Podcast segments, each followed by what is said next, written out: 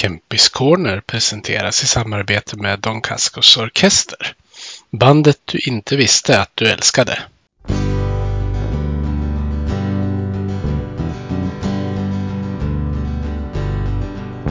Vi hejar på Modo, rödvit och grön. Klubben i hjärtat, en känsla står skön. Övik, ja, Övik, ja, där trivs vi.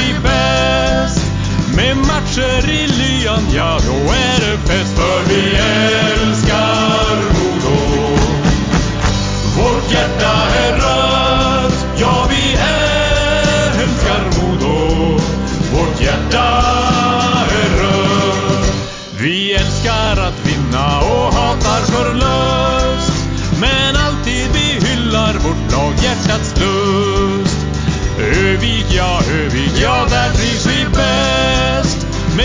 Med matcher lyan, ja, då är det fett. För vi älskar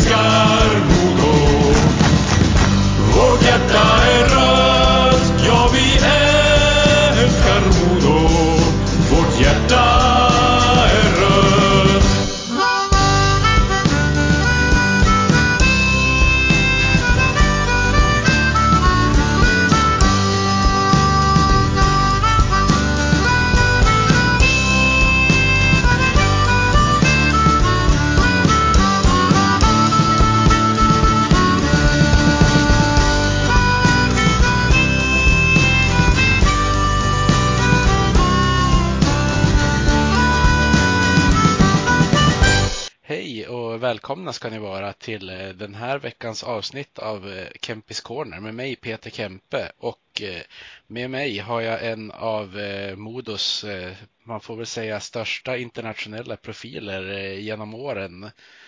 Välkommen till podden Marcus Näslund. Tack så mycket. Jag brukar ju alltid börja den här fråga, eller den här podden med att ställa två frågor. Den första, den här, vilken anknytning har du till Modo?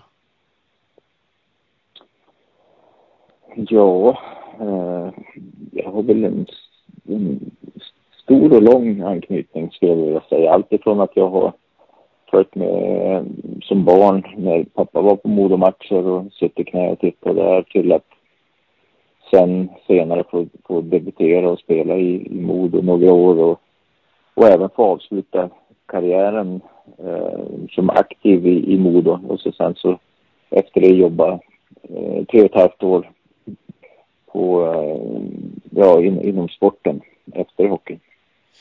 Ja, precis. Eh, jag tänkte att vi ska komma till lite frågor runt det senare. Eh, min andra fråga som jag alltid brukar börja med, det är ju, jag kan ju tala om att jag har ju döpt den här podden till Kempis Corner. Delvis på grund av att jag heter Kempe, men självklart mest som en hyllning till gamla Kempehallen. Så jag tänkte höra, vad har du för favoritminnen från Kempis? Oj, ja det är så många. Det är eh, det är svårt att, att- att bara plocka ut ett måste jag säga. Men eh, alltså, skulle jag välja ett så, så kanske det ändå är när man fick debutera på hemmaplan eh, i, i A-laget.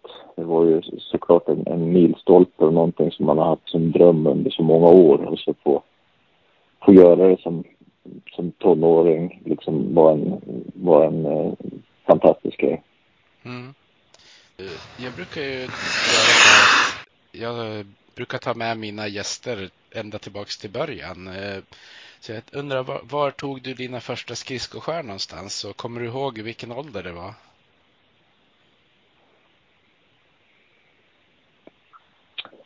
Eh, jag väl kanske inte så starka minnen från det själv, men jag vet, eh, jag vet att det var på något som kallas Vikingavallen eh, inne i centrala Örnsköldsvik där eh, vi bodde när jag var eh, sex kanske, fem, fem, sex år. Eh, innan vi flyttade ut till Bonäset och jag började spela på Gärvets IF så Eh, vi, vi bodde ett år i lägenhet när vi hade flyttat från Härnösand och, vårt hus höll på att byggas. Eh, och, det var då jag tog mina första skär. om man kan kalla det för skär, för jag tror inte det var en Nej, alla måste ju börja någonstans. Ja, visst. Men sen kan man säga, Järve 10 på Getinghov eh, är ju där jag har lärt mig, eh, lärt mig spelet och liksom lagt, lagt en, en massa timmar på att ja, men, lära sig åka skridskor och, och, och eh, ja, och många ja, fina barndomsminnen. Vi har ju ett fantastiskt läge också i Getingahov. Verkligen, det är unikt på, då, på det sättet och, och på den tiden var det också naturis så just den grejen också, det har ju sin, sin charm. Så, såklart är det en hel del utmaningar som följer med det också. Men när det var fint väder och när det var den där hårda isen, då, det var oslagbart tyckte jag då i alla fall. Jag vet inte om jag skulle känna samma nu, men det var istället för att spela i en hall så fick man spela ute och kändes som man, man kunde åka snabbare på, på isen också på den här naturisen kontra om man är inne på en, och så fick man, hall. På, fick man skotta bort själv om det hade råkat snöa lite eller något sånt. Det är ju också en speciell känsla. Ja visst, man blir inte bortskämd på så sätt utan man fick ju ta pauser både under träningar och matcher också för att, att kunna se pucken. Och det har ju sin charm det också, även fast kanske kvaliteten på, på spelet inte blir bästa så här eh, Men man förknippar ju dig med, med Järved i, i första hand, även om du som du säger ja, men kanske bodde i Härnösand när du var lite, lite yngre än så. Det är ju Ja, jo, absolut. Nej, men jag, jag eh, spelade faktiskt ganska många år i Järve och vi hade så, så pass bra lag att jag, jag, kände inte behovet av att gå över till Modo i, i allt för unga år utan väntade egentligen till, eh, till hockeygymnasiet. Uh, så att det var, det var kanske lite annorlunda än hur det funkar nu. Både att det fanns tre lag och att det var bra kvalitet på på serierna på grund av det. Att det fanns de här gräsrotsklubbarna som hade eh, ja, man hade aktiva föreningar med, med drivna ledare som, och, och, många barn som höll på med, med hockey på den tiden. Så det gjorde att det, det utarmades inte på samma sätt som det Nej, kanske gör nu, nu för tiden. Och nu är det väl lättare att folk slutar i, i yngre ålder också om de inte tar sig till, ja men säg TV-pucken eller hockeygymnasiet eller sådär. Ja visst, det, där, det, det är väl till att börja med så är det färre tror jag som börjar med sporten och testar på det och så sen så som du säger så, så kanske efter, efter just TV-puckåldern så finns det färre möjligheter att spela nu. Det är samma sak med seniorhockeyn att eh, jag spelade ett år, året innan jag gick över till Modo så spelade vi i dåvarande division 2 i, i Överkocker. hockey. Då hade vi ju en fem lokala klubbar tror jag i, i division 2 så det blir ju derbystämning på de matcherna också. Det, det, det, bidrar ju också till att, att hockeyn eh, lever vidare på något sätt och det, jag tycker det är lite tråkigt att det, det, det är så mycket nu som krävs, framförallt kost, kostnadsmässigt för att hålla på med hockey och därför är det färre som både börjar med och fortsätter. Och då, då, klart, då är det svårt, svårt att, att köra ja. seniorserier också. Eh, när började du spela hockey i ett lag? Vilken ålder var du då?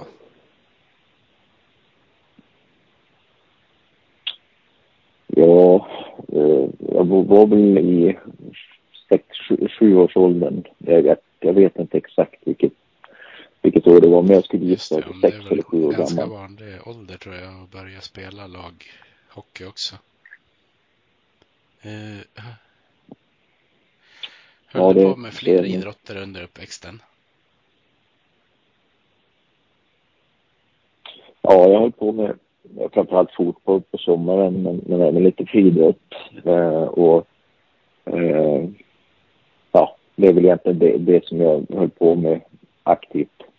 Sen såklart man testar på en massa idrotter också. Det tror jag, det tror jag man har igen också att man får både testa vad man gillar eh, eller inte men även att lära sig att hantera kroppen i olika, i både olika sporter och olika rörelsemönster och så. Jag, jag tror att det, Mm. Det är Eh, var du positivt. duktig på fotboll också?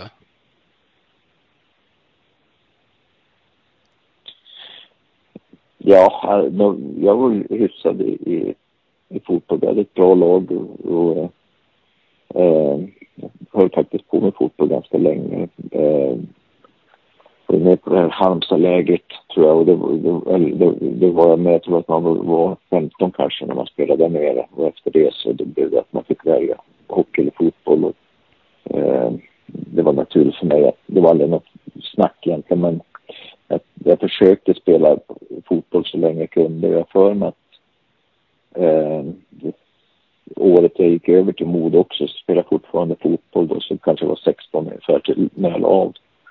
Eh, både för att släppa just det här med hockeyn under sommartiden men även för att det var ett roligt kompisgäng och jag tycker fotboll är en Ja. fantastiskt kul sport också. När, eh, när insåg du att du var så pass duktig på ishockey att du skulle kunna göra en, en karriär inom det? Var det runt tonåren eller kände du att du var duktig på ishockey något år innan? Jag vet ju att du kom ju upp i, i A-laget i en ganska ung ålder, men när kände du själv att du skulle kunna ja, men lyckas?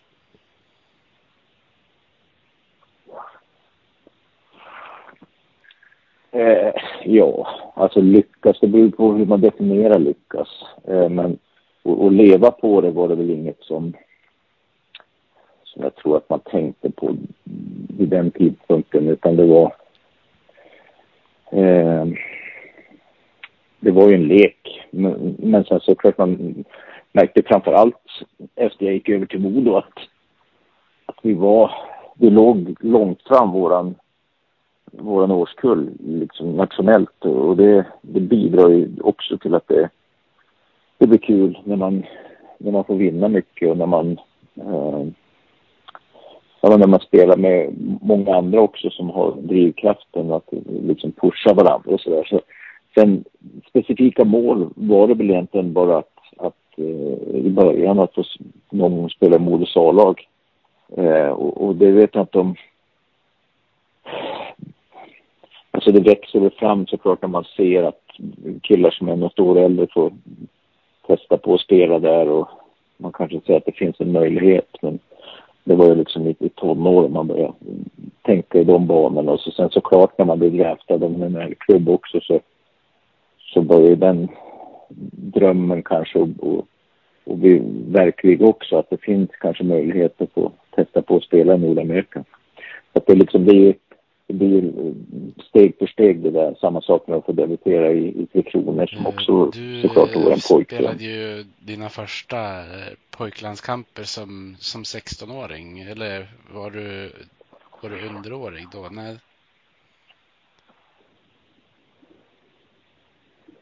Eh,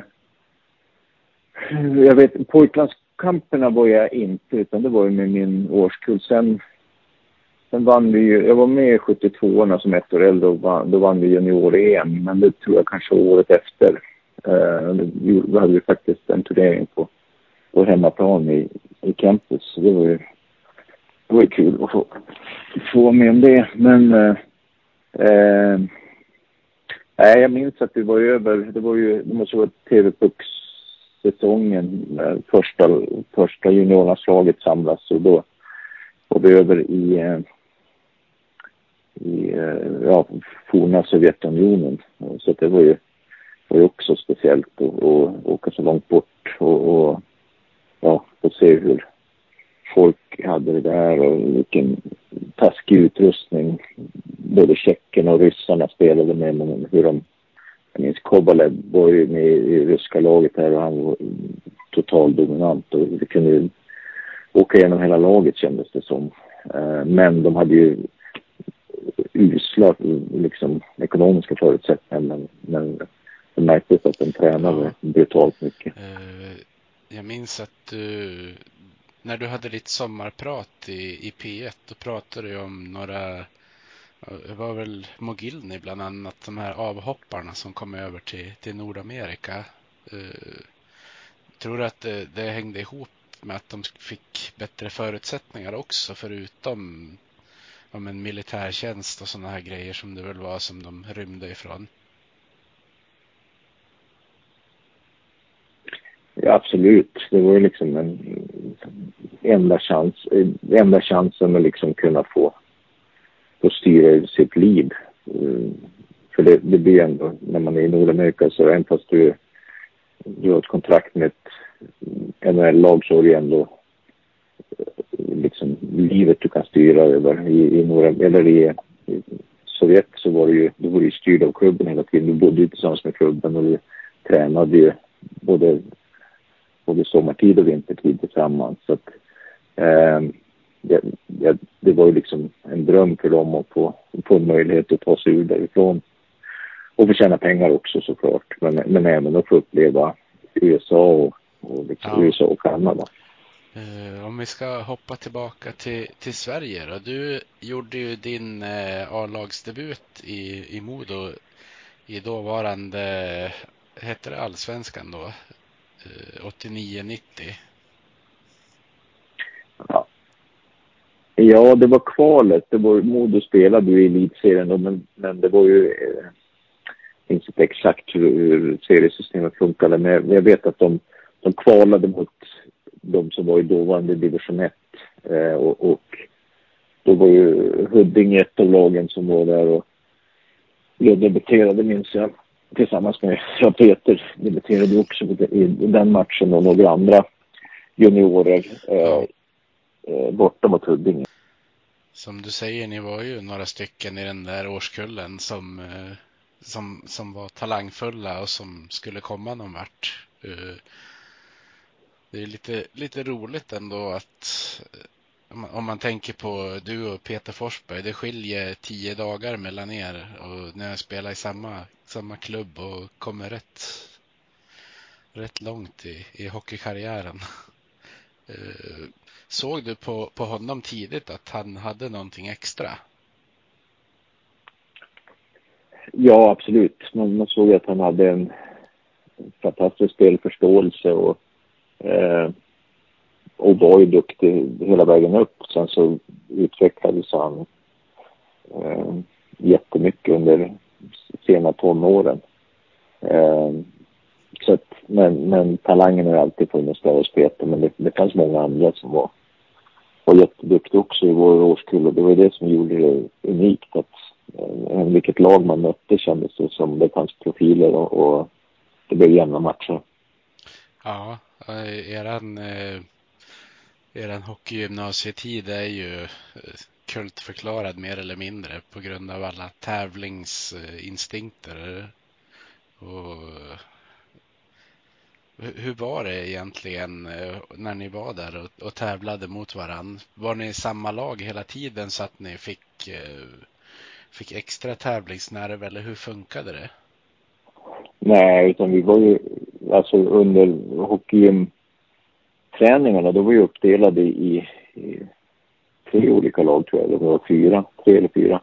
Eh, och då var det uppdelat så att det skulle bli jämnt också. Så att Anders Melinder gjorde ett bra jobb och liksom avväga de delarna så att liksom ställa dem de bästa mot varandra och, och liksom, så att det blev kamp i, i, i varje moment. Och det var ju det var ju annorlunda än det man hade, eller det jag i alla fall hade varit med om tidigare. För då var det ju, då var det ju liksom det mer traditionella att du tränar med ett lag och spelar matcher och så. Det här var ju så många, många nya grejer som Anders slängde in i, i tävlingar och, och, och så sen att vi kom en grupp som, som alla eh, liksom hade målsättningen att, att, att vara bäst. Eh, och vi kom från olika klubbar och så sen fick vi tampas med varandra varje dag. Eh, både tampas med varandra på träningar så här, men eh, och sen också få spela med varandra på, på matcherna. Så att, eh, det var en, var en jätterolig tid. Vem var det som var, var bäst av er eh, under hockeygymnasietiden? Ja, alltså, det är svårt för mig att uttala mig. Det, det är olika olika positioner också. Vi hade ju både backar eh, som var framstående. Vi hade Fredrik Bergqvist som, som blev vald till eh, bästa back i TV-pucken, kom från Kramfors. Var ju väldigt framstående där. Och eh, Hasse Jonsson är 73 Vi hade ett par andra. Vi hade en, andra killar också som spelade i liksom pojklandslag som kom. Ja, Henrik Holm var en kille som kom från Timrå som spelade pojklandslag. Och jag missade säkert, nu pratar bara om backarna. Sen hade vi ett gäng forwards också så att det, det var det var generellt hög nivå och, och det var många som, som låg långt fram i sin årsgrupp i, i Sverige. Ja. Eh, hur skulle du sammanfatta dina år i, i Modo innan du åkte över till Nordamerika? Eh, ja, jag skulle vilja sammanfatta dem som eh, några av de roligaste åren som, eh, som jag haft som hockeyspelare. Det var fortfarande lek, även fast det började allvar så var det, var det ändå fokus på att, eh, att utvecklas och man, var, man liksom var som en svamp och så ut allt som, som Anders mm, och, och, och Kent och de andra tränarna eh, undervisade. Så att det, det var en jättekul tid plus att man fick som sagt uppleva och spela med Modos A-lag som man har haft som en dröm sen barnsben. Ja. Och så gjorde du ju ett antal eh, juniorlandskamper under den där tiden också. Bland annat två junior-VM. Eh, vad kommer du ihåg från dem? Eh, ja, framförallt så minns jag det, ja, båda JVM, men det blev silver båda gångerna tyvärr. Det, det är ju, framförallt i det andra JVM i Gävle så var vi ju, eh, vi, vi var ju väldigt starkt som lag och eh, på något sätt så lyckades vi förlora guldet ändå mot Kanada.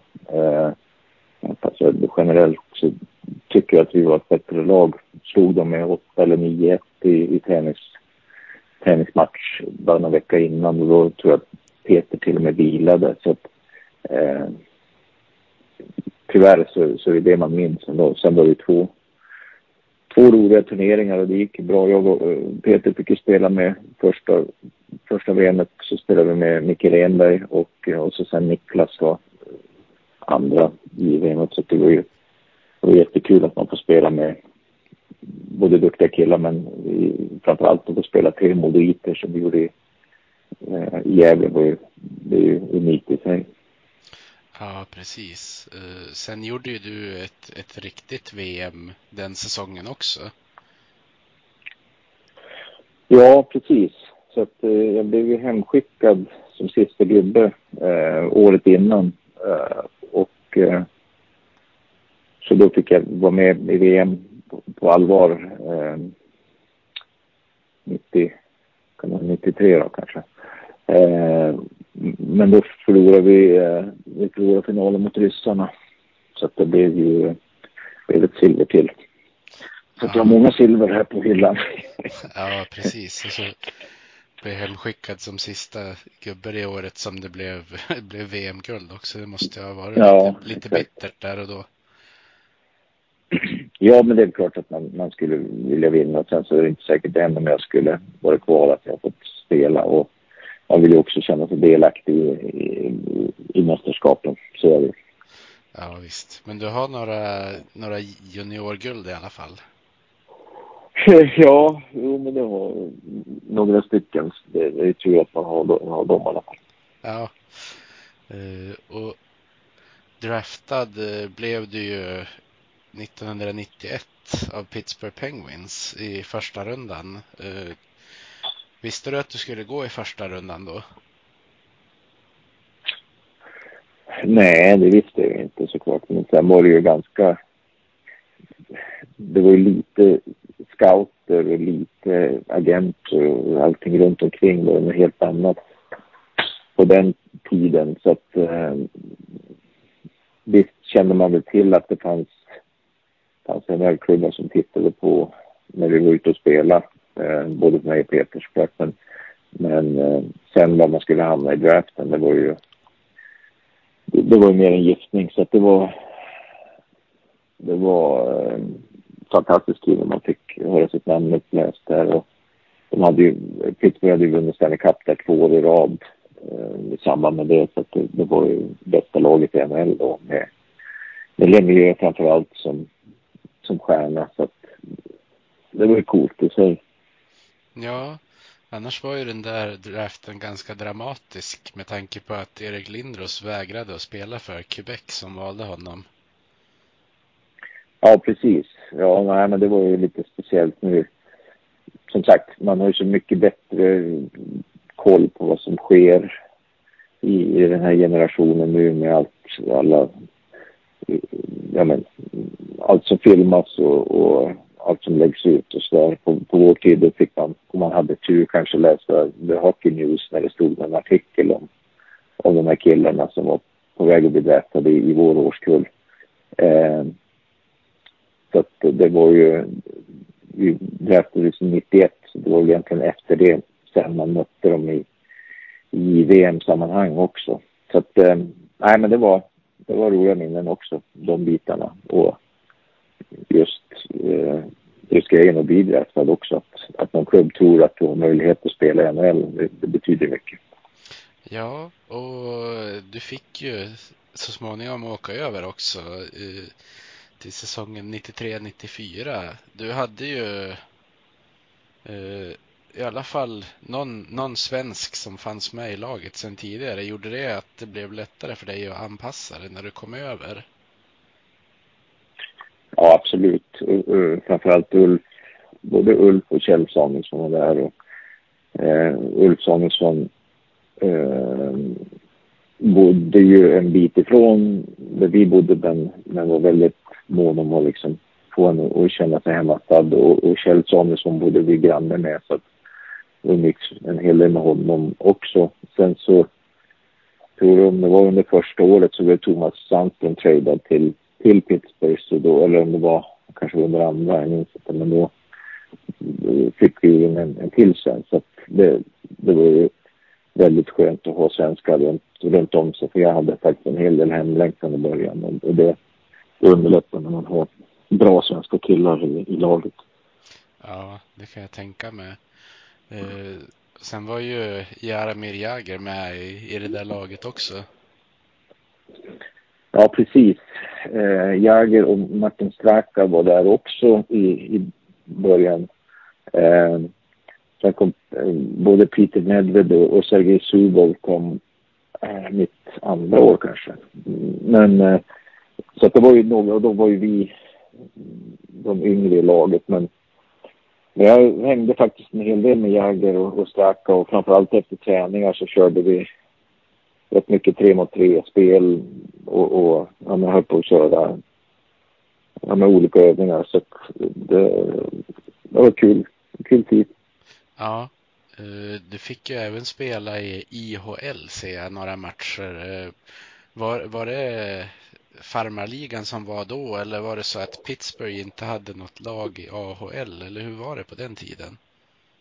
Nej, det var Pittsburghs farmarlag och, och det var IHL eh, egentligen en större liga än AHL. Jag tror att AHL kanske fanns också men, men de bättre lagen, jag tror att IHL ansågs som bättre än AHL men för de hade också även lite veteraner i, i IHL.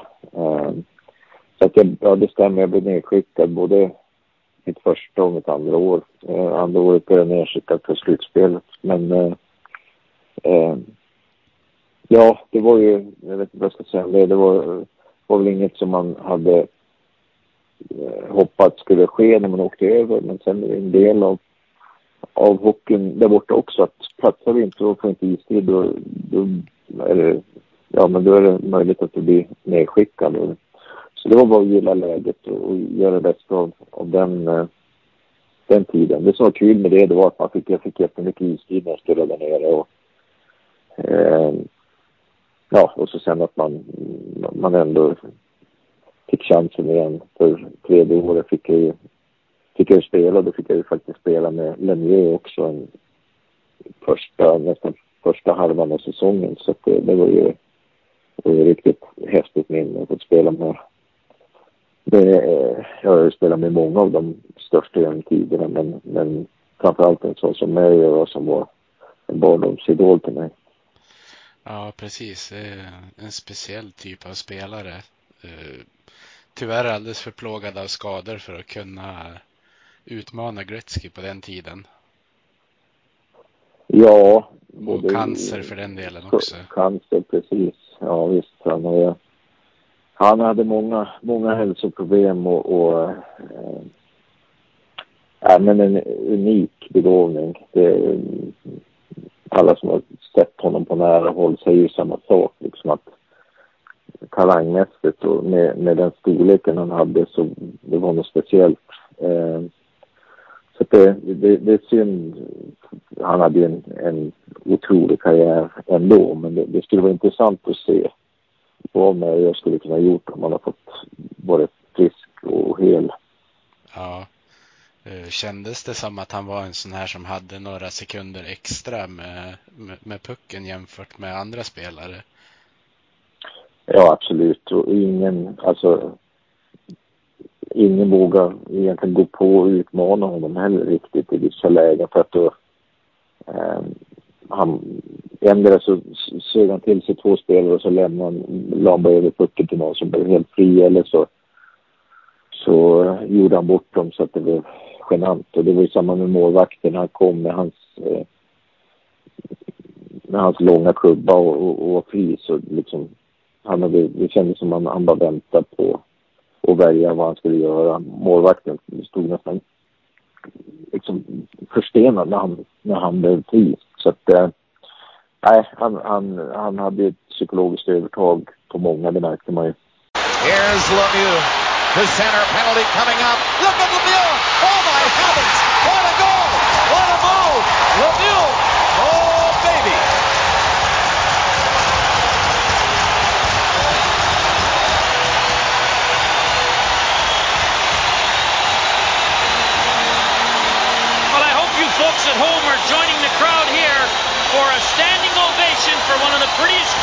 ever want to see. Very few could ever make this play like Mario Lemieux. Ja, det kan jag tänka mig. Eh, men i, i slutet på den säsongen så eh, hamnade ju du i Vancouver. Ja, precis. Eh, jag blev tradad där vid deadlinen och det var väl ingen överraskning. Jag hade, hade bett om att få, få en möjlighet att, att byta klubb om, det, om någon var intresserad. Så att eh, Craig Patrick, som vår general manager hette, eh, lovade att göra det.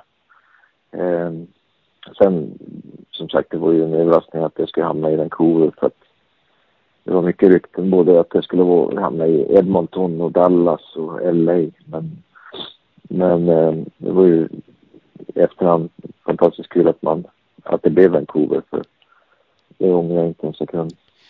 Nej, och så här i efterhand så har ju den där bytesaffären kallats för en av de sämsta i NHLs historia av eh, några olika källor med tanke på att du blev bytt direkt mot Alex Stojanov som eh, inte gjorde någon större figur i, i NHL jämfört med att han blev bytt mot dig som blev en ikon i Vancouver kan man väl säga. Ja, och det är lätt att vara efterklok så. Jag, jag kan känna ibland att jag tycker det är orättvist mot honom. Eh, i, I det läget, han var ju mer en fysisk spelare, en stor, tuff eh, kille som var draftad nummer nio i, i första rundan. Jag var vald som nummer 16 mitt år. Så att liksom, det var inte att han, han inte var lovande. Och, och eh, sen så, av olika anledningar så fick han väl kanske inte den karriär som han hade hoppats på. Eh, och la av ganska ung också här för mig.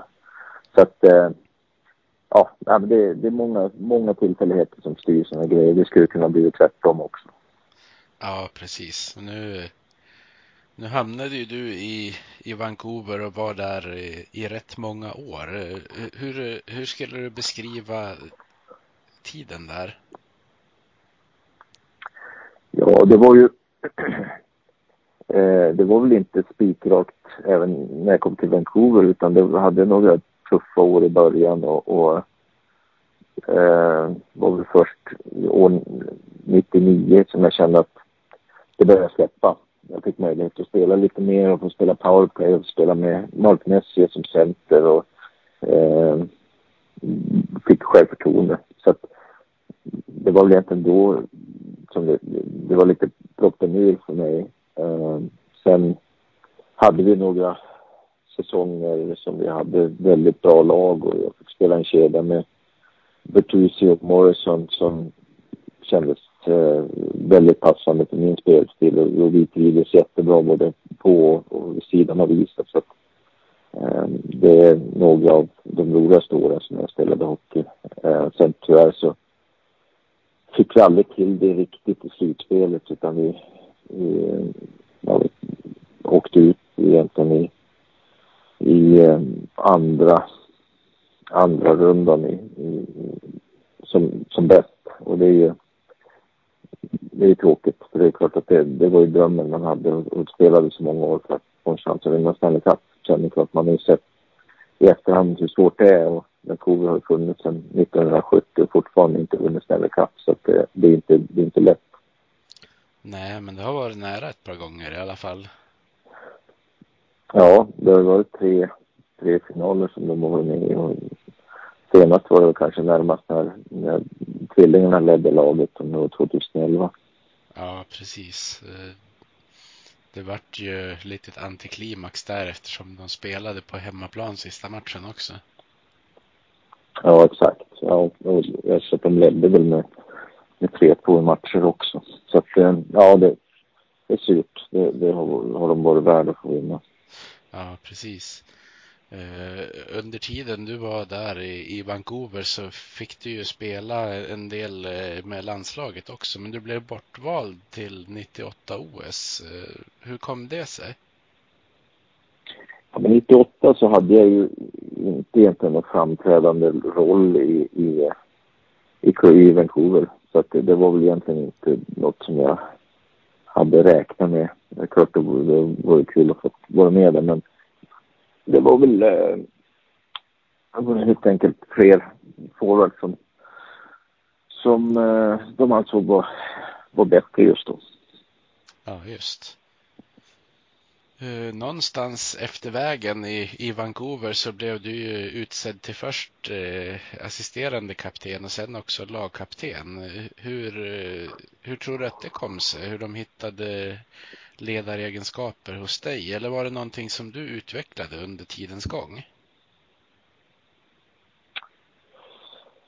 Ja, eh, det är väl, jag hade väl varit kapten under några turneringar och sådär även i, i ungdomslandslag och sådär. Så att jag hade väl haft eh, ledarroller men, men sen eh, det är mycket beroende på om klubbledningen tror på det och, och, i det här fallet också så var det ju att eh, mina lagkamrater eh, blev intervjuade och, och många tyckte att jag skulle vara passande för det.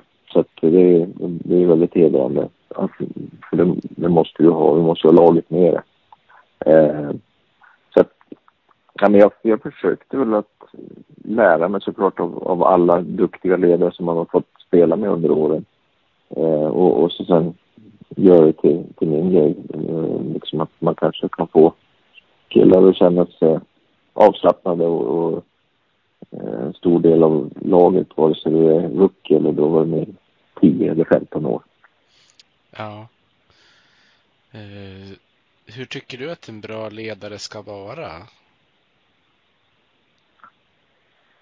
Eh, ja, men jag, jag tycker att eh, eh, pushande såklart, att man, man driver på gruppen. Eh, det är viktigt att man ja, men att man alltid sätter laget först. Att man, eh, att man ser till att man, man eh, får alla att känna sig sedda. Eh, ja, men att man är mån om att liksom hitta den här lagkänslan. För jag tror att ju tajtare du blir på sidan av isen desto, desto bättre spelar du som lag också. Så att, sen finns det säkert tusen andra grejer som man bör ha också, men, men det är väl just, just de bitarna att, att killar ska kunna känna att de kan spela sitt spel och, och slappna av, det, det tror jag är en viktig del. Och det, det tror jag blir lättare om man, om man känner att man, man har vänskap. Ja. Eh, sen hade ju ni i Vancouver eh, med dig och eh, Trevor Linden bland annat hade ni väl ganska starka ledargestalter? Absolut. Vi hade många, många bra ledare under de år jag var kapten också och det var ju en väldigt viktig del för mig som, som kapten att man kunde lita sig mot killar med erfarenhet och, och för det var ju, det var ju sällan man tar något beslut själv utan det, det är ju som man diskuterar och vrider och vänder på när det är saker som, som måste förändras.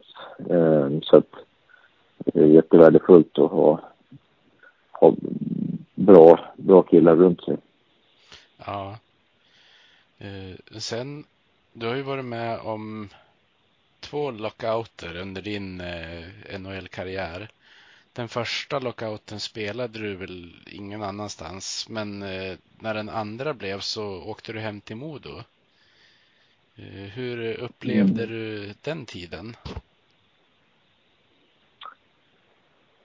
Ja, det är, det är svårdefinierade säsonger för de är så ovissa. Den första lockouten, då blev det ju säsong i slutet, eh, ja eller 48 matcher tror jag det blev, så att det, eller efter nio någon gång.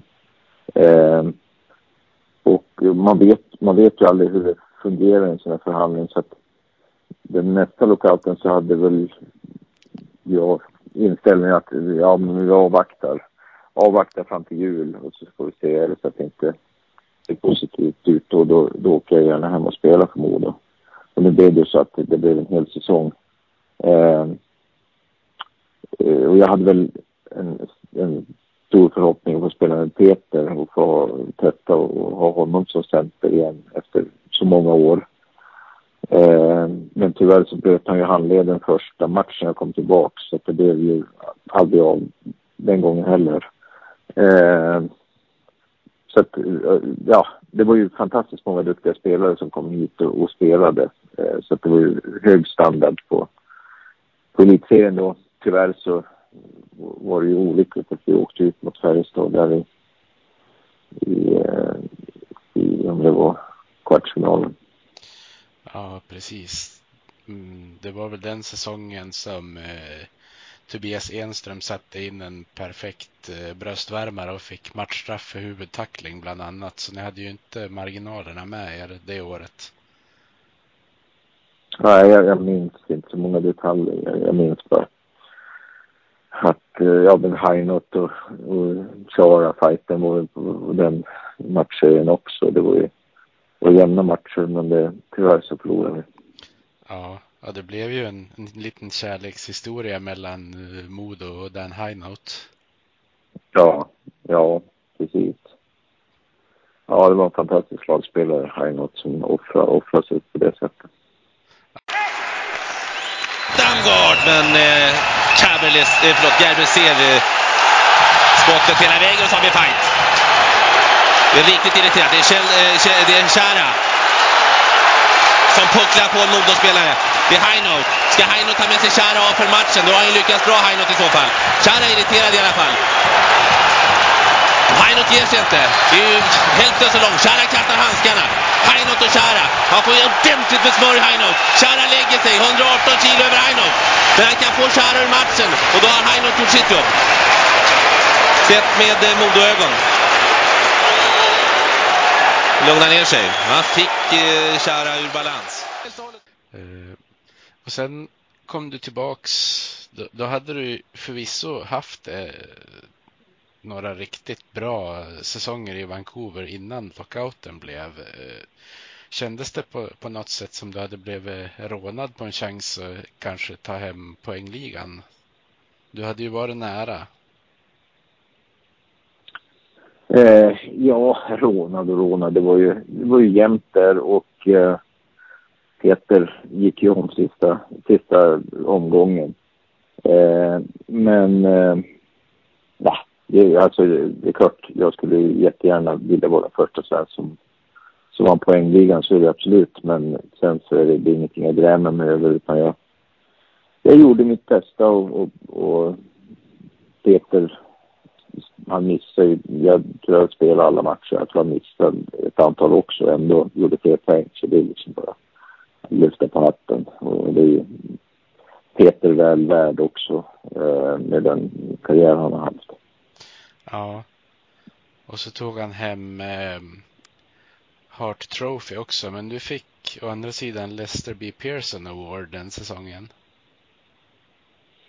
Ja, precis. Så det var ju kul att det var två svenskar där som fick de, de utmärkelserna.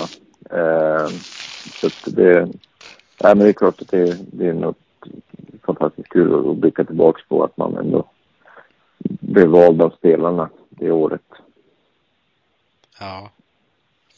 Eh, sen efter att lockouten hade varit, då hade du ju tre år till i Vancouver. Eh, men sen blev det ju så att du gick till New York Rangers. Eh, hur, kom det sig? Ja, det är väl en, en ganska eh, lång historia egentligen. Jag hade ju förhoppningar av att avsluta min karriär i Vancouver eftersom jag hade varit där så länge.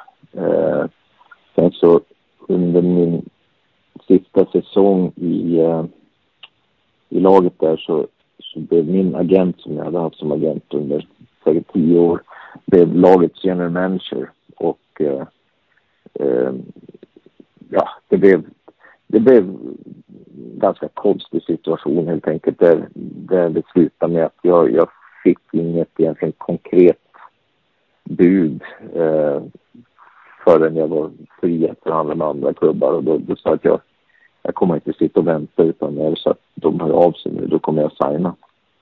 Eh, och, och Rangers var tidig, eh, tidig att höra av så det kändes som ett ja, ett, ett kul äventyr att få göra något annat och, och jag valde att signa där med New York och det ångrar jag inte. Det var en jättekul säsong och det var väldigt annorlunda än att, att spela i, i Vancouver med allt vad det innebär.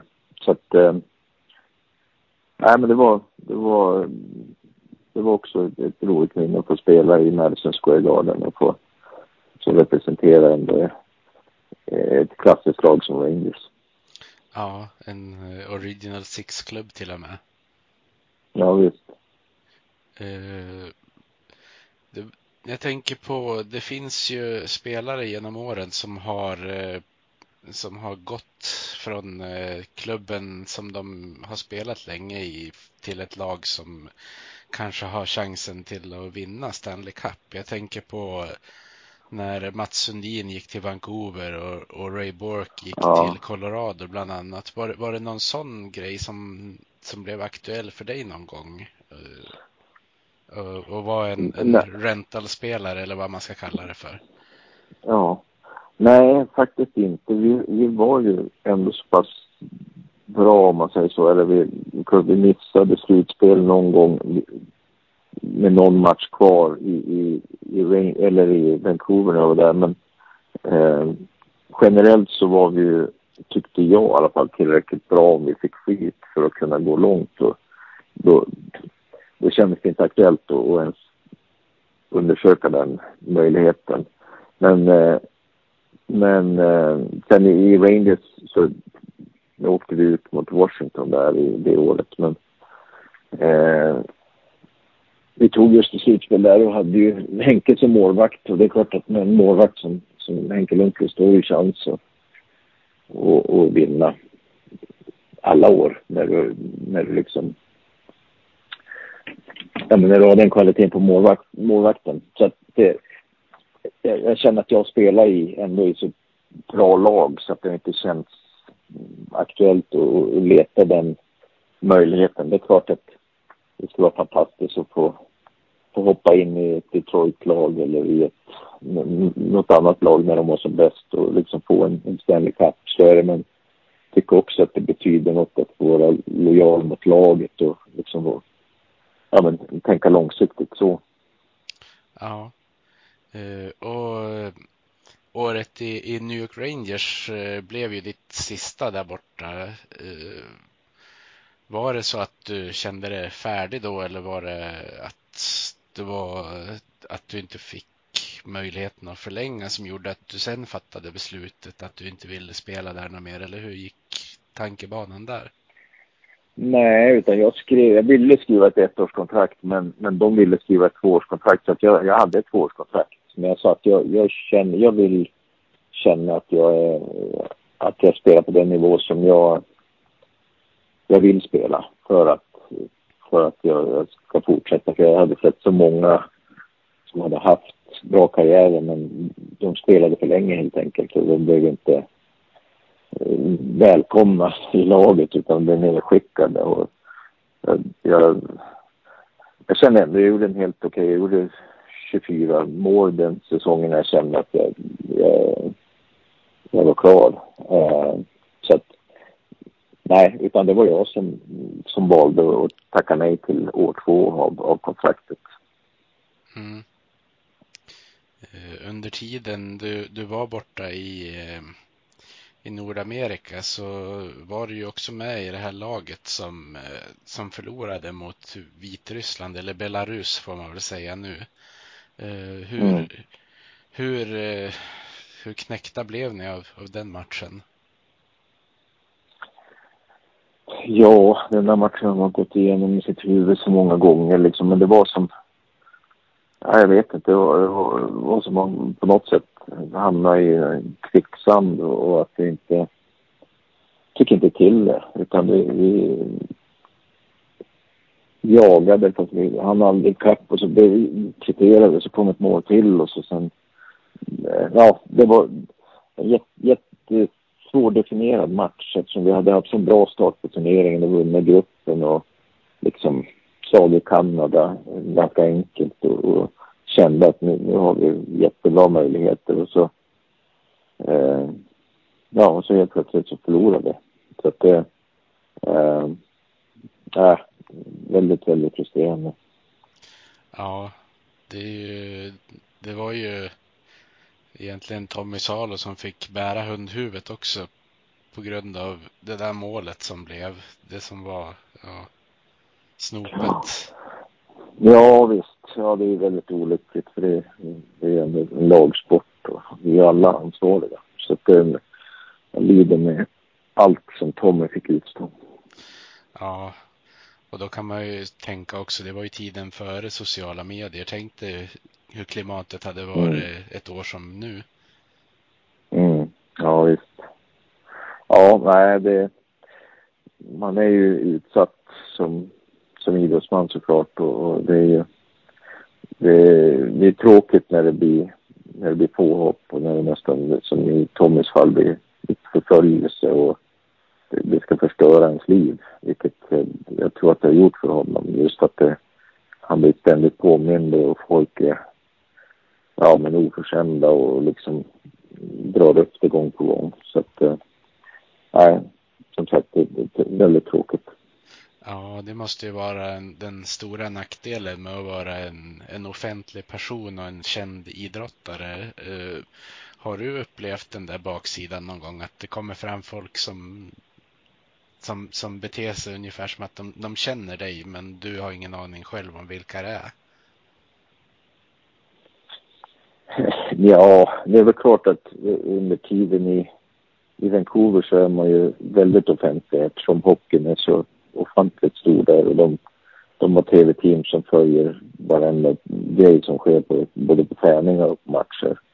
Eh, så, så att nu har det väl, nu har vi träffat folk som både varit påflugna och liksom säkert sagt saker, framförallt när det går dåligt. Men, men eh, på något sätt så var jag förberedd på att det är så det funkar och det är liksom man har har en roll och ett ansvar när man representerar ett, ett lag och framförallt som kapten så har ju ännu mer ansvar. Ja, det måste ju ha varit eh, tufft för, för dig i Vancouver och för den delen för Mats Sundin i, i hockeyns mecka höll jag på att säga, Toronto också. Eh, ja, absolut. Jag, jag, jag, tror att det är ännu värre i Toronto just med mediebevakningen, eller det är ännu värre. Men, men eh, nej, man får, får försöka vända det till att det är en drivkraft också, att du vet att du inte kan gömma det utan det gäller att du, du gör ditt bästa och, och liksom tar ditt ansvar. Ja. Eh, ni som var kaptener och Niklas Lidström för den delen, höll, höll ni kontakten med varandra på något sätt? Nej, det gör man inte, utan man är ganska, eller man är väldigt fokuserad på sitt, sitt eget lag. Det är klart att man hälsar på varandra när man möts, men, men inte, inte så mycket mer än så. Nej. Uh, jag måste ju ändå lyfta den här uh, incidenten med Bertuzzi och, och Moore. Hur, hur kommer du ihåg det? Eh, vad har du för perspektiv nu så här många år efter? Eh, ja, men det är, det är ju liksom en otroligt olycklig eh, händelse och jag, jag, jag, vet att Todd inte menade liksom det, det som skedde än för att han tappade konceptet och drog på en smäll men det, var inte, det var inte meningen att han skulle knockas på det här sättet, liksom att han skulle bli skadad. Eh, sen just påföljden också som som följde med det och, och, och eh, den påverkan det fick både på, på Todd och hans familj och på oss som lag. Eh, givetvis på Steve Moore också säkert, men jag tänkte på det, det jag såg, den sidan var ju att det blev, det blev liksom eh, ett, Eh, en förändring där eh, eh, ja, men ingenting blev så likt efter det eh, i flera avseenden. Så att, eh, nej, det var mörk, mörk afton. Ja. Eh, blev du inblandad i det där på något sätt? Jag kan tänka mig att folk har velat haft kommentarer och grejer genom åren.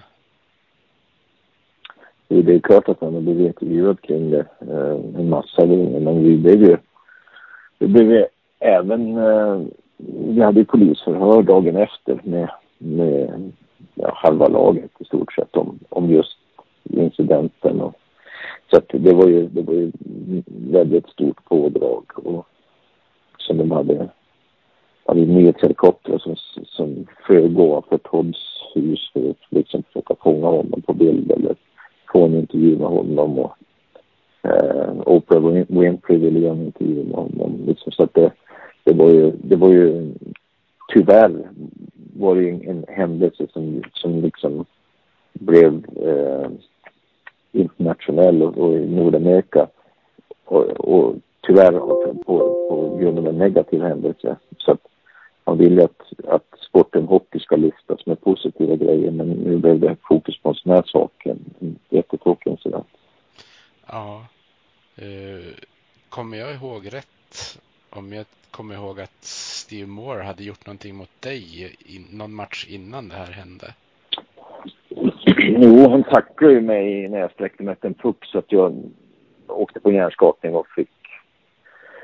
Eh, jag fick stanna över där i, i Denver och på sjukhuset den natten också. Så missade jag eh, ett antal matcher. Så att, visst åkte jag på en smäll eh, där men, men eh, Eh, och det, det, är klart att det låg ju liksom i kölvattnet till, till hela allt det. Att, även fast jag var tydlig med att jag vill inte att någonting ska göras bara för jag, jag kan hantera mig själv, det, det är inget problem.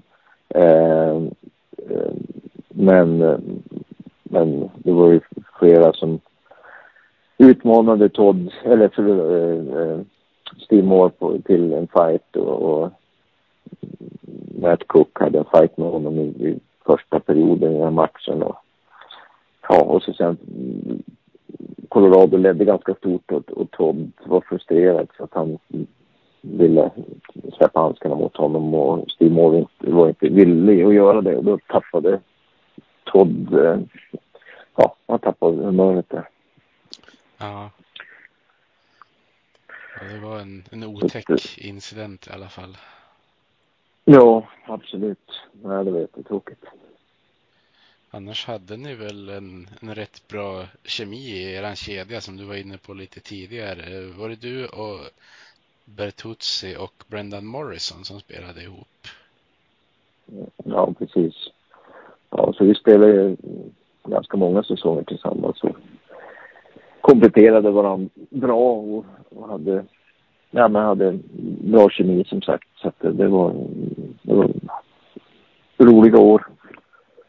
Bertuzzi, loose puck, open net, score! And Marcus Naslin has the hat trick. Naslin just quietly comes in by the side of the net and tucks the puck into the wide open net. It happened a little earlier in that play. Here's Sopel. Sopel moving in. Jason Smith's ball. And there's another for Marcus Naslin. His first ever four-goal game in the NHL. And you have a new goal-scoring leader in the National Hockey League. Marcus Naslin with the screen set up. Waits into the middle, takes the shot, and scores! 30 for the captain. Marcus Naslin waits, waits, waits, and what a beautiful shot off the other post and in. And Marcus is admiring his handiwork on the jumbotron.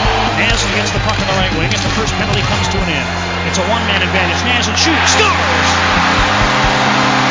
Number 39 for the Canuck captain, and Vancouver leads 5 to 1. The Canucks captain snapping home the wrist shot as only he can.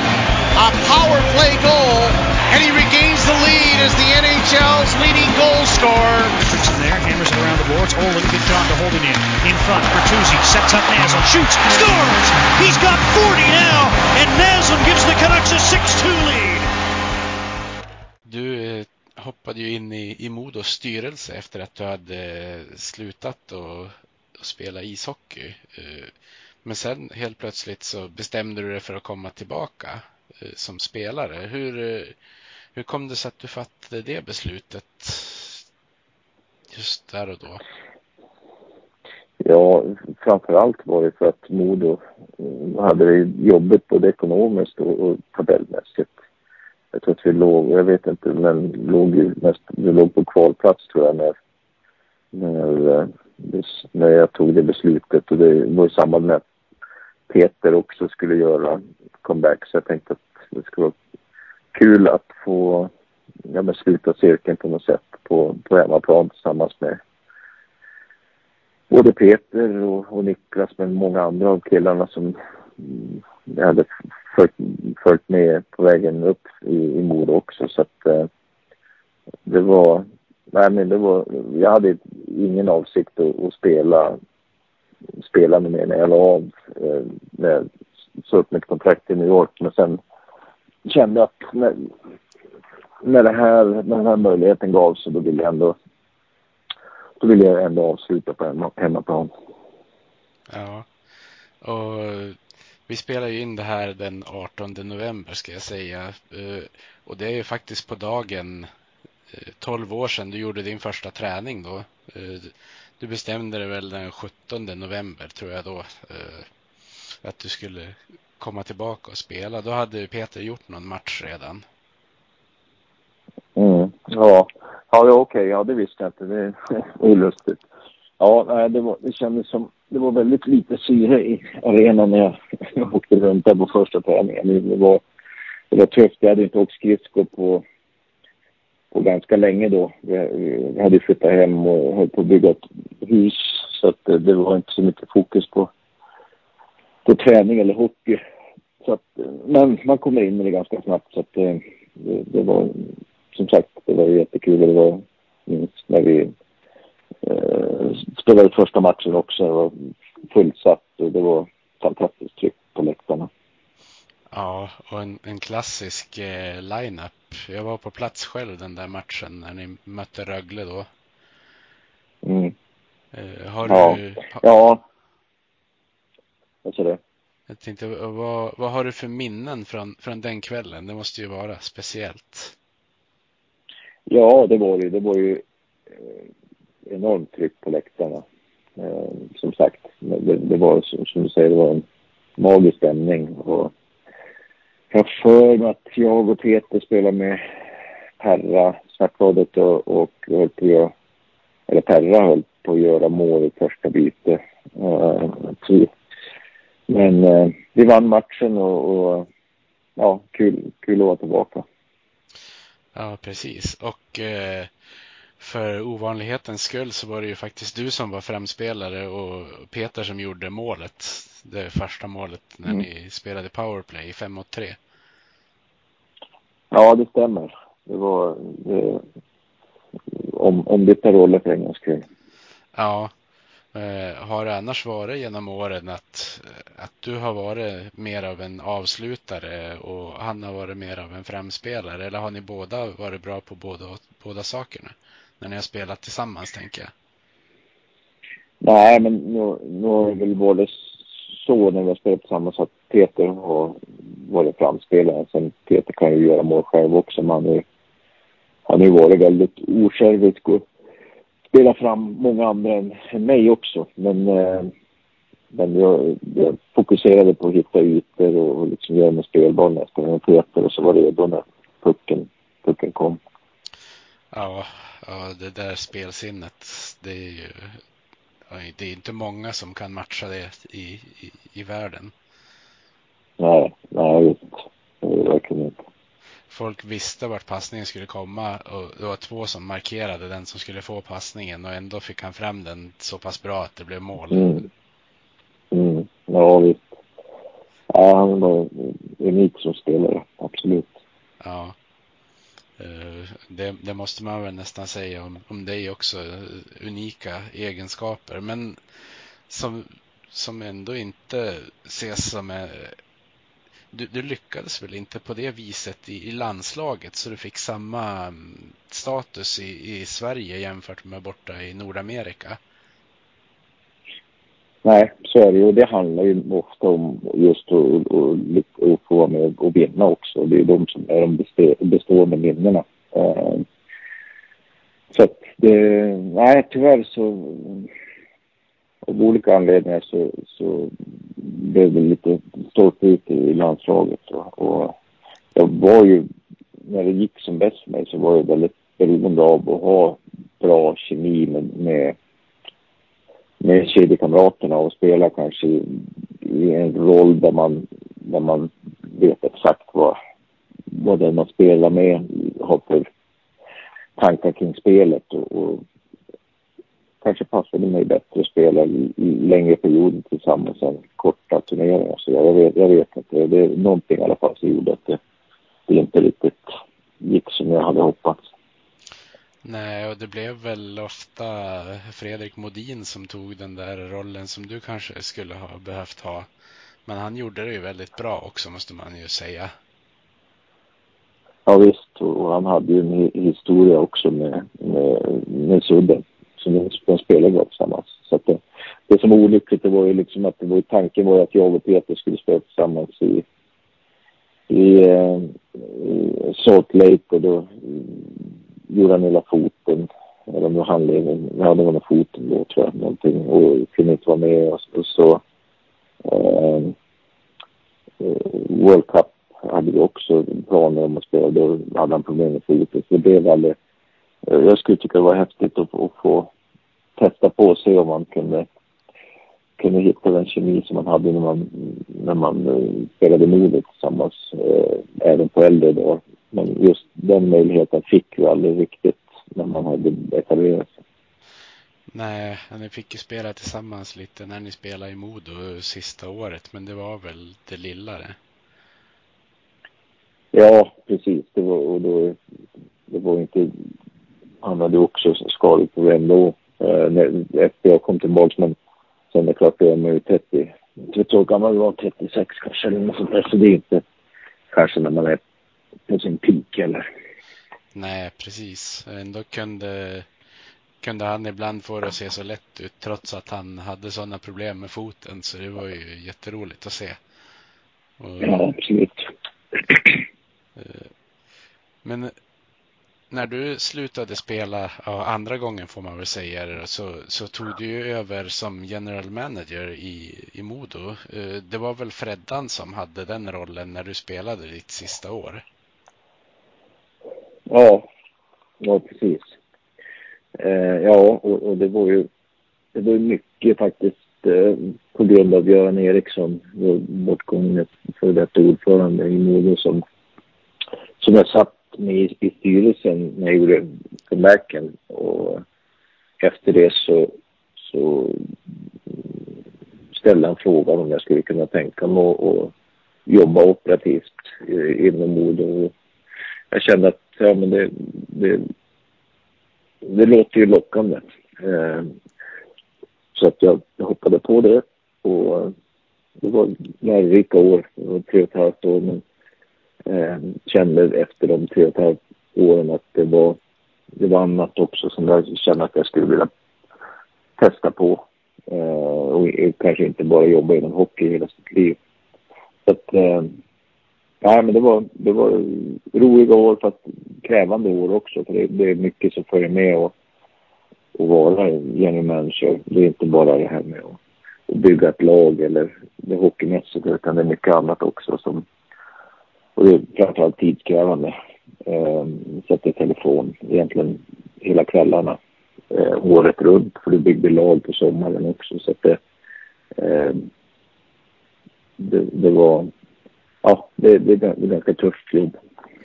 Ja, och ditt första år eh, hamnade ni ju i, i kvalserien också. Hur upplevde du det?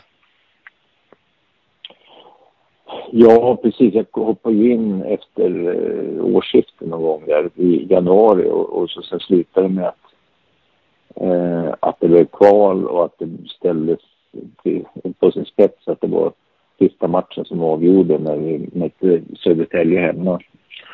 Eh, äh, men det var ju det var ångest, ångestkänsla. Det var jättejobbigt och det är klart vi satt ju som klubbledning också med, med, en plan A och en plan B. Vad händer om vi förlorar den här matchen? Ja, men då kommer allt förändras.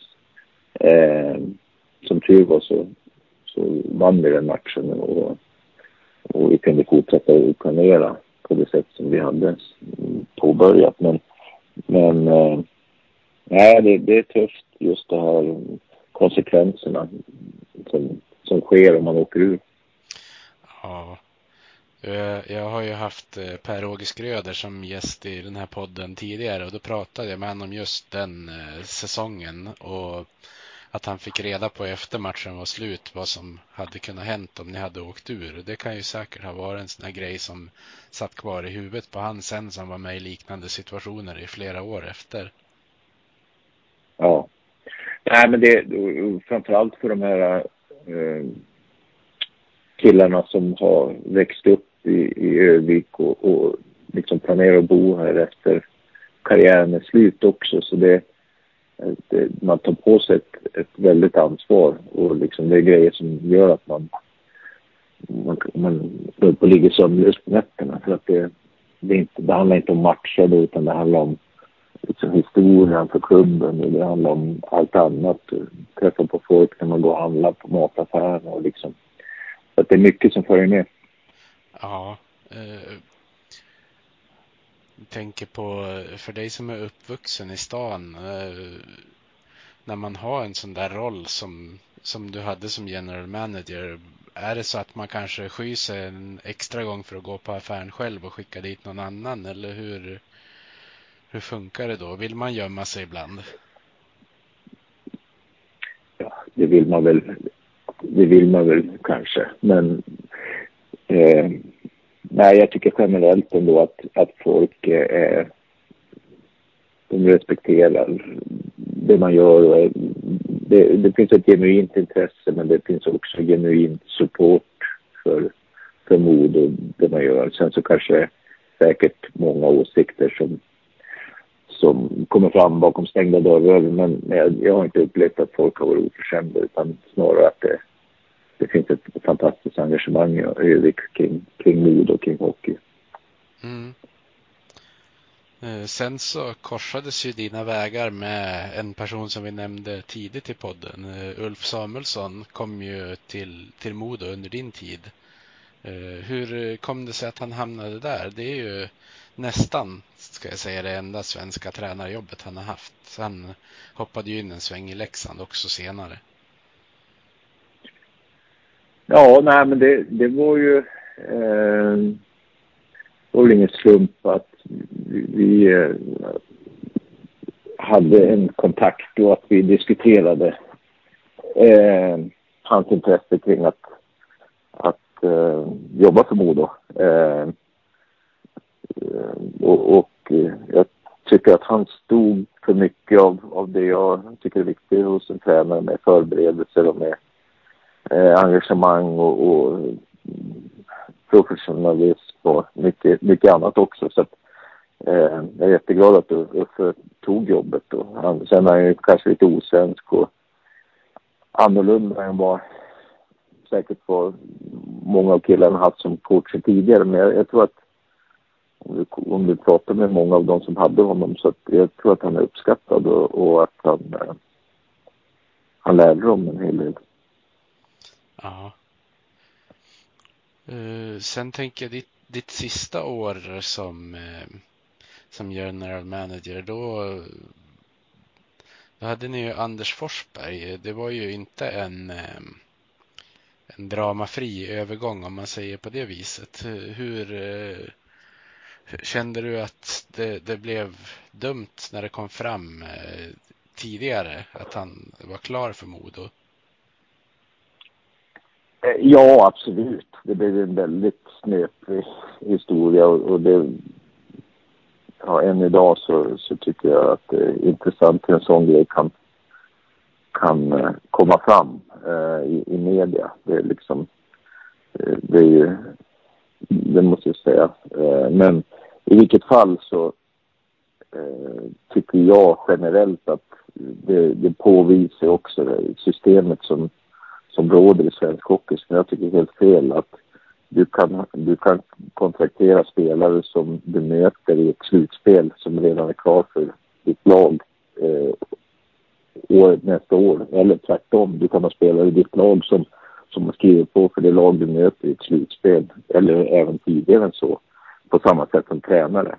Men det är så det funkar här och då måste man ju vara på tå och vara med på det också. Eh, eh, så att det är liksom... Vi, vi eh, fick en kontakt med, med Anders och han uttryckte att han skulle vara väldigt intresserad av att få, få träna mod och, och vi kände väl eh, att det skulle vara en, passande, passande tränare också. Eh, så att, eh, sen så, som sagt, jag tycker att det var väldigt olyckligt hur, hur allt presenterades. Och han fick ju kicken och, och alla de där grejerna. Men, eh, men, men som sagt, jag, jag, tycker att det säger nästan mer om, om det system som, som de har här i, i, i Europa än, äh, än just den grejen. Det är inte, det är inte första gången en, en tränare gör klart innan säsongen är över. Och så sen så är det ju intressant att många av dem dyker upp i media, liksom nyheter ändå. Så att, det verkar svårt att, att hålla saker tysta. Ja. Uh, hur upplevde du sådana här uh, övergångsrykten? Uh, under tiden som Freddan var general manager då, då svarade han ju på egentligen alla sådana här prat om eventuella övergångar som skulle kunna bli.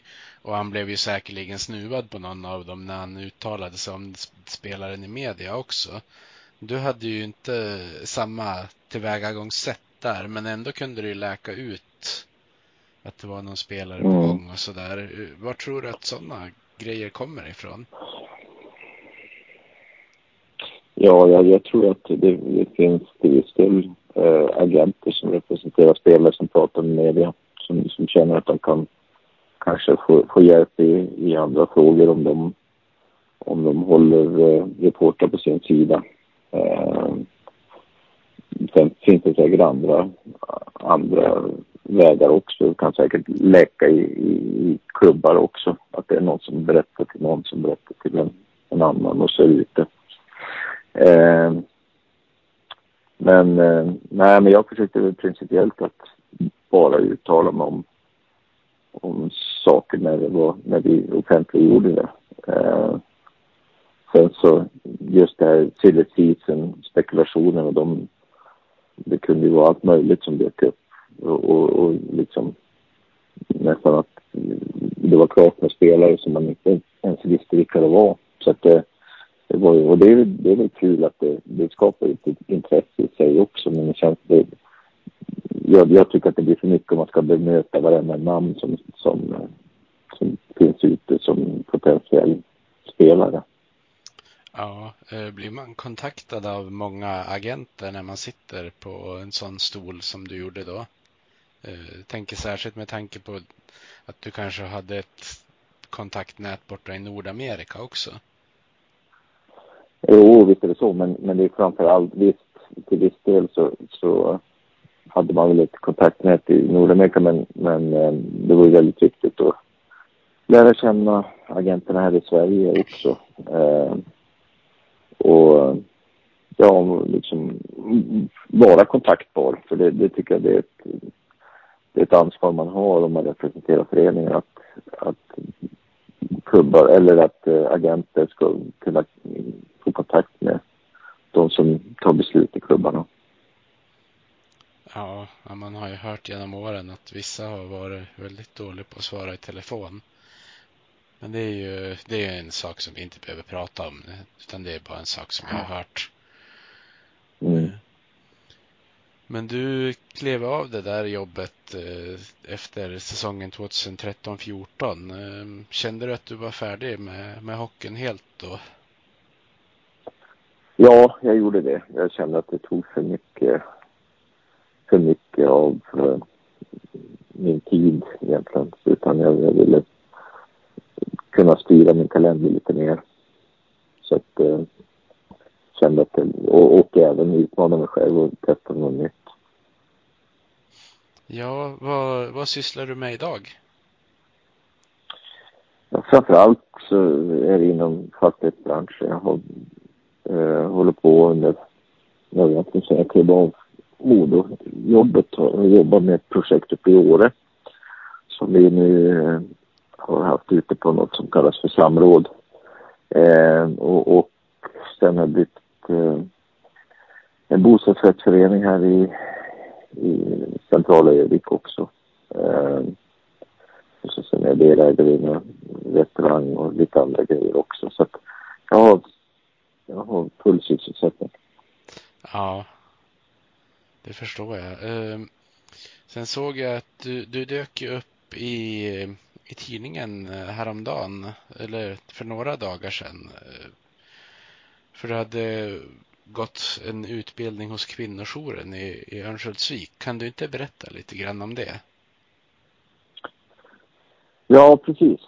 Ja, jag gick en, eh, egentligen en pilotutbildning hos kvinnojouren för en pilotutbildning för män, ska jag säga. Det är första gången de har bjudit in män och vara med på det. Och, så vi var en 15, 15, 16 män i olika åldrar som, som träffades eh, om det var sju, sju tillfällen och, fick eh, jag fick en hel del eh, information från olika instanser och, och liksom även de som har varit drabbade av, av ja, egentligen våld och, och liksom förföljelse.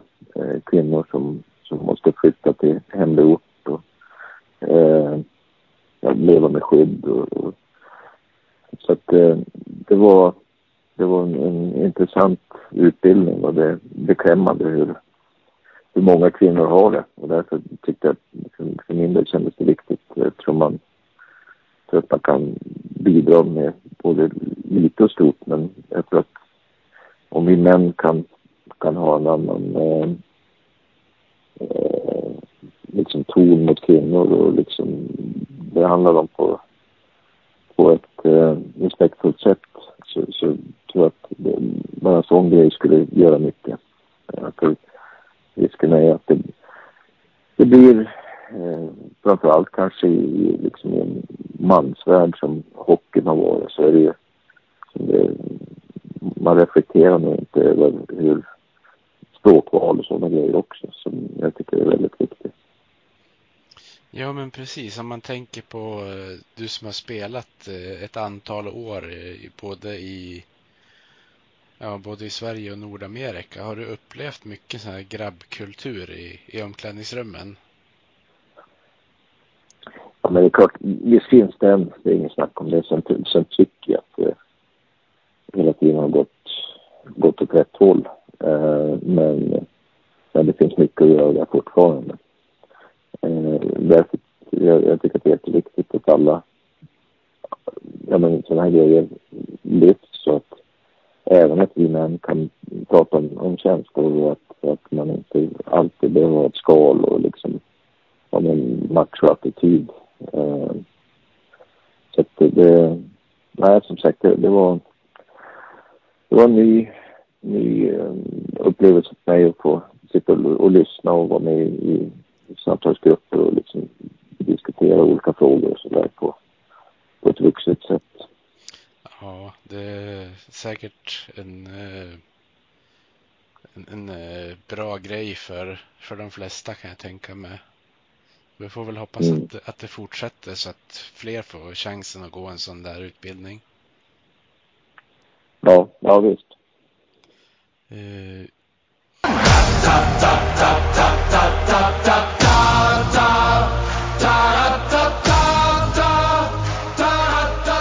Supporterfrågan.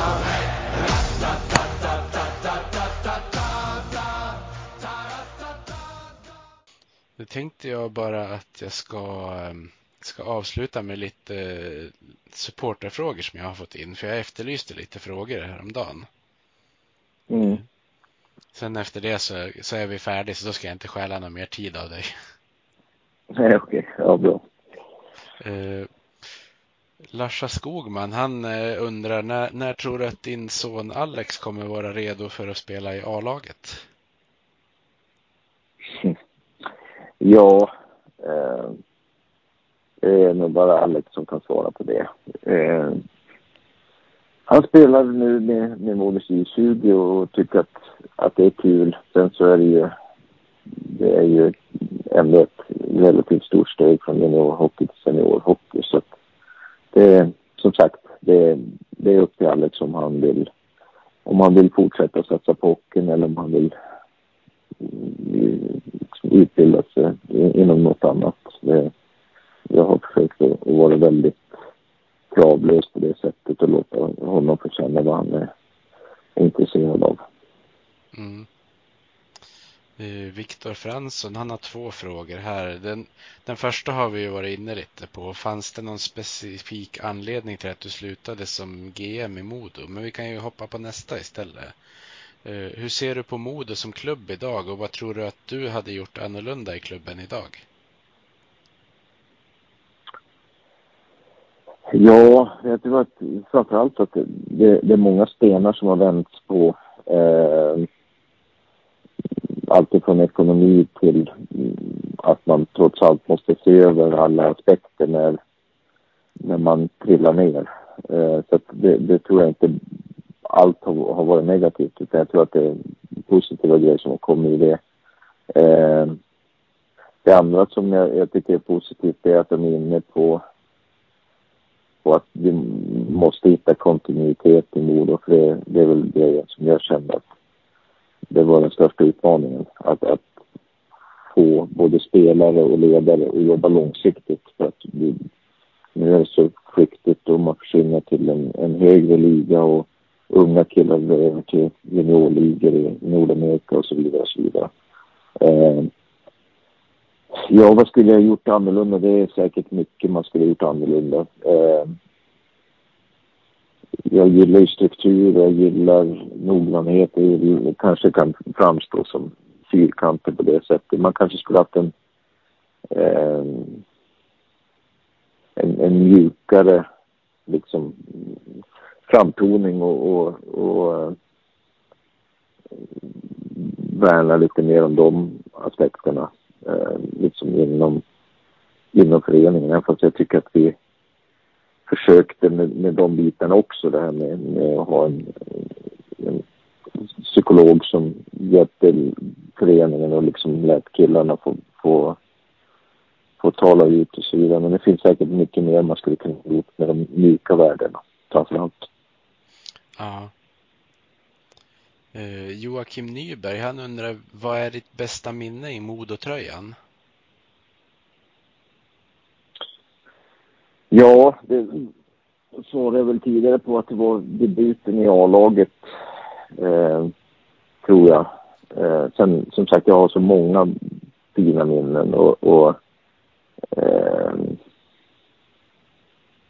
det, men det är svårt att liksom ranka dem sinsemellan att, att få spela och vinna junior-SM-guld eh, kontra att få, få spela i samma kedja som Micke Hjelm som han hade som barndomsidol. Eh, det är svårt att liksom rangordna dem sinsemellan men, men eh, ja, men jag, jag håller fast vid att debutera i, med första matchen i, i, i Kempis med Modos A-lag. Det var, det var en, en fantastisk upplevelse. Mm. Uh, han undrar också hur ser din relation ut till Modo i dagsläget? Ja, alltså jag, jag följer Modo och liksom håller tummarna varje match de spelar. Men sen är jag inte aktiv där och jag, jag vet inte hur många matcher jag kan gå på per år. Kanske tiotal kanske jag ser live och så, sen så annars eh, försöker jag följa om jag kan på tv. Det är lite beroende på om man är ute och reser och sådär men eh, men jag, jag följer dem. Det är det enda lag som jag följer egentligen inom damsport.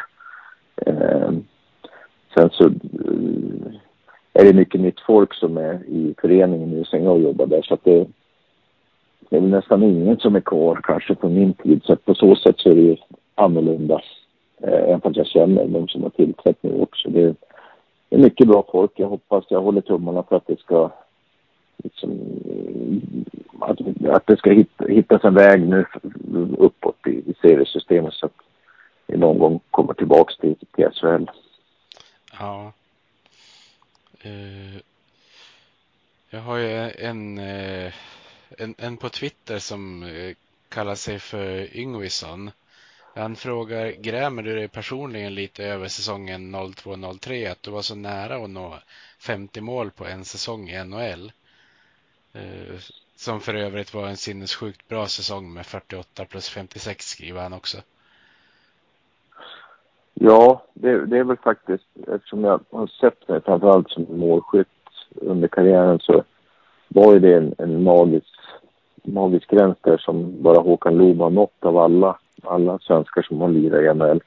Så att det, det är klart att mm, man kan ju tänka, ja okej okay, om de här någon av de här stolpe har gått stolpe in då kanske man har nått den, den gränsen. Eh, så att visst grämer det lite grann. Å andra sidan så man kan inte göra mer än sitt bästa och det ibland säger stolpe ut, ibland är det stolpe in också.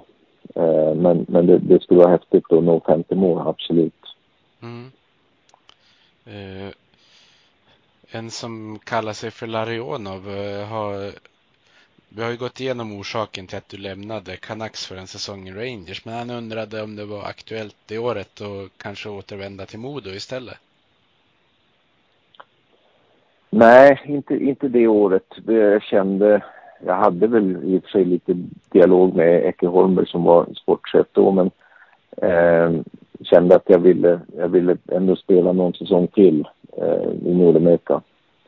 Så att, eh, och, och, och, kanske även just det här att få testa och, och vara free agent och få välja lag också. Det var, det var första gången som jag gjorde det. Jag hade möjlighet 05 också, men då då valde jag att förlänga med Canucks. Så att, nej, det, det kändes inte aktuellt med att, åka hem till Modo då. Nej. Eh, sen har vi Marcus Törnqvist. Han undrar, är det någon spelare som du så här i efterhand är lite extra nöjd över att du fick till Modo under din tid som GM för klubben? Ja, måste tänka här lite grann. Eh, jag tycker att eh, Kyle Kimiski var fantastisk att se när han var här. Hans skridskoåkning. Eh, men det var, jag tycker...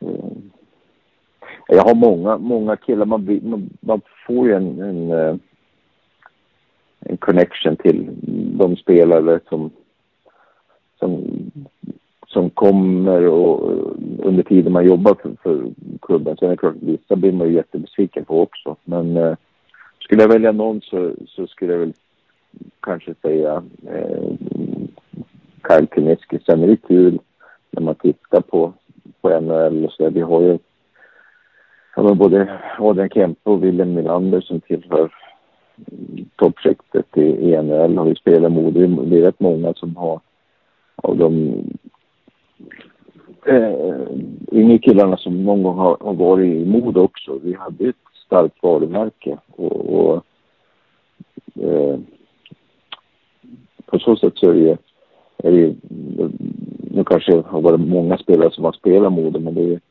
det är rätt intressant och om man skulle summera liksom det, det gäng som under den tiden, jag tänkte med och så vann eh, JFM-guld där med J18-laget och så där och se vad de är idag. Det är säkert många som, som spelar på hög nivå. Ja, precis. Kyle Kumiski blev ju en riktig kultfigur. När han var i mode Ja, också. verkligen. Verk, verkligen. Ja.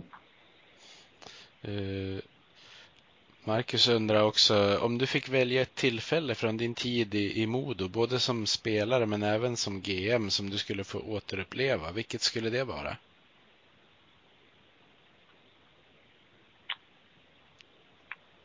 Oj. Eh, både som spelare men även ledare. Mm.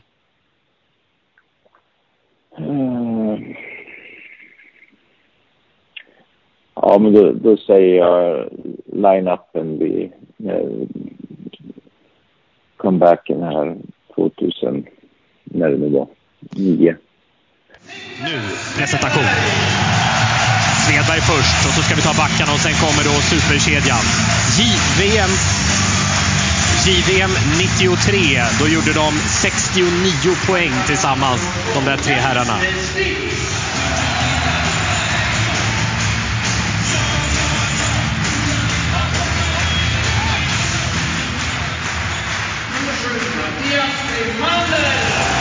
Timander presenteras och då är det dags för de tre stora då.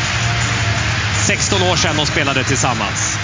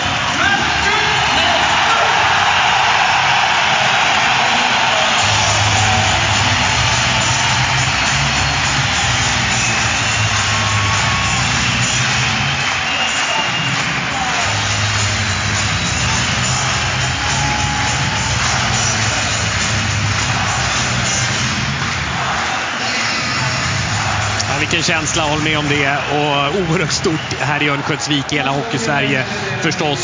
det som nu ska hända när de här tre herrarna finns på isen. Eh, det här är domaren Thomas. Och så sen så spelare. Eh, spelare säger jag, eller som ledare säger jag eh, eh när, när slut, slutsignalen gick efter eh, efter det var klart att vi, vi höll oss kvar men vi vann mot Södertälje. Den känslan var, var väldigt skön också. Ja, det är fina minnen. Ja. Sen avslutningsvis så har jag Johannes Forsberg, min redaktionskollega på Svenska fans Modosida.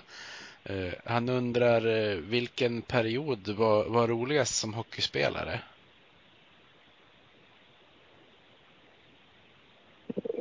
Ja, det är på, på olika sätt. Men jag, jag, jag, tycker ändå på något sätt att eh, ren spelglädje så, så måste jag nog säga ändå tiden, alltså juniortiden och, och hockeygymstiden. För då var det ju, det var, liksom, det var, det var lek och just de här eh, andra aspekterna tänkte man inte så mycket på utan då handlade det bara om att träna och spela och, och ha kul.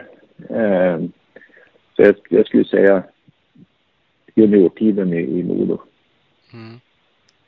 Sen undrar han vilken spelare är den bästa som du har spelat med och vilken spelare var svårast att möta?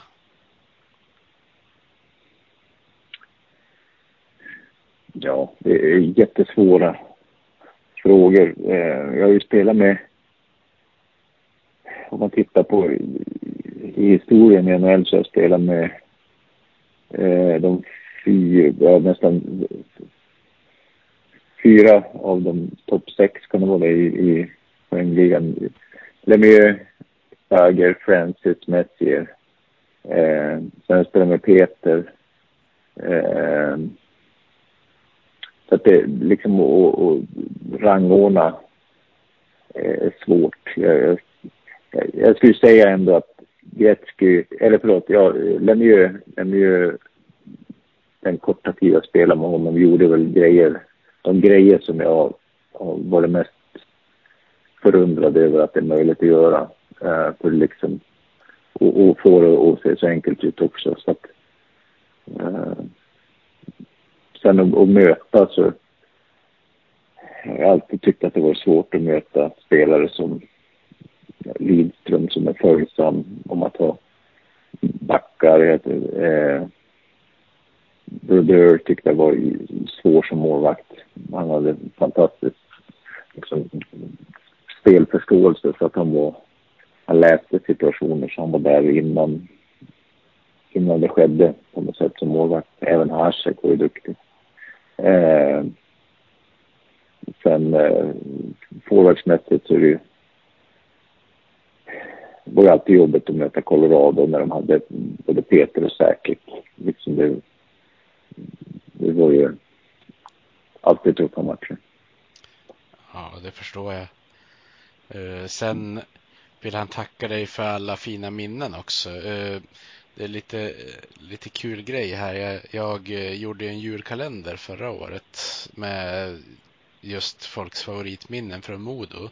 Då har han valt ut ett tillfälle när han fick eh, en av dina klubbor, ett av, en av dina sista matcher innan du åkte till NHL.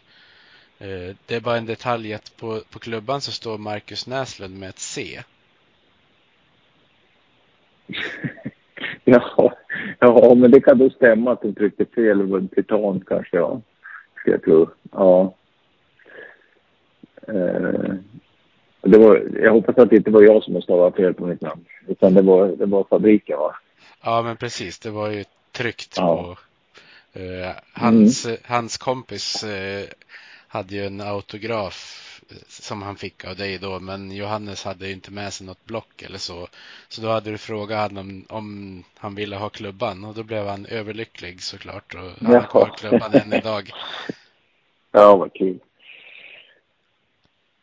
Men det var alla frågor jag hade till dig Marcus. Då får jag säga ett, ett, stort tack för att du ställde upp. Det var jätteroligt att ha dig med. Ja, ja men tack själv. Hoppas att uh, det blir uppskattat. Ja, det tror jag säkerligen. Vi hejar på Modo, rödvit och grön. en känsla så skön. Övik, ja, Övik, ja, där trivs vi bäst. Med matcher i lyan, ja då är det fest. För vi älskar